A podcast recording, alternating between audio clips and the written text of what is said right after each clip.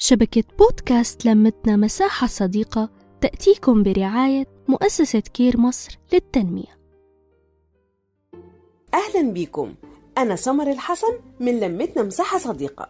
هتلاقي كل يوم حاجة جديدة. هنتكلم عن تربية الأطفال وعن مشاكلك اللي انت بتواجهها والأكل وال fashion معاكم هنمشي الطريق في يوم جديد مع سمر.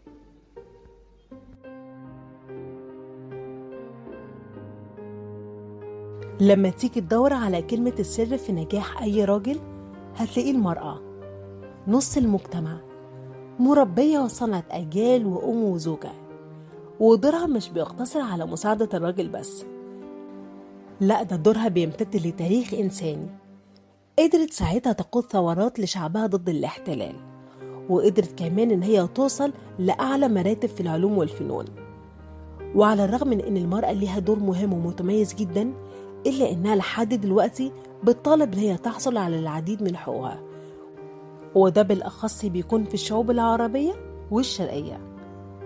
وده فعلا اللي تكفل بيه القانون وإدى للمرأة الكتير جدا من الحقوق زي الاقتصادية والاجتماعية والقانون والسياسة. مش بس كده ده حث كمان كل دول العالم على الاعتراف بالقوانين دي وبحقوق المرأة وحمايتها من أي شكل من أشكال الاضطهاد أو العنف اللي بتتعرض ليه. ومن أهم القوانين والحقوق دي حق المرأة في الدراسة والتعليم اللي بيعتبر من أحد الحقوق الأساسية للمرأة. وبسبب تعرض الكثير من الفتيات والنساء حوالين العالم لعوامل بتتعرض ليها بتحرمها من الحق ده زي الفقر والزواج المبكر أو بعض الضوابط الاقتصادية والاجتماعية المبنية على نوع الجنس. خلى العديد من المنظمات زي منظمة اليونسكو إنها تدافع عن حقوق المرأة في التعليم واللي أثبتت كمان العديد من الدراسات إن المرأة لما بتحصل على التعليم بينعكس بشكل إيجابي على نواحي ذاتية والمجتمعية والاقتصادية. لأن ببساطة التعليم بيعزز من مكانة المرأة وبيساعدها إن هي تصنع مجتمع متفاهم. ومبني كمان على الاحترام قادر على تكوين صداقات مع الأمم والشعوب والطوائف الدينية المختلفة. ومن ضمن الحقوق المرأة برضو حقها في ممارسة كل الحقوق الأساسية في المجتمع زي الراجل بالظبط وده اللي وثاقته ميثاق الأمم المتحدة. واعتراف منها بأن كل شخص ليه حق المشاركة في إدارة الشؤون العامة لبلاده. وكمان رغبة منها إن هي تجعل الرجل والمرأة متساويين في التمتع بالحقوق السياسية وفي ممارستها كمان.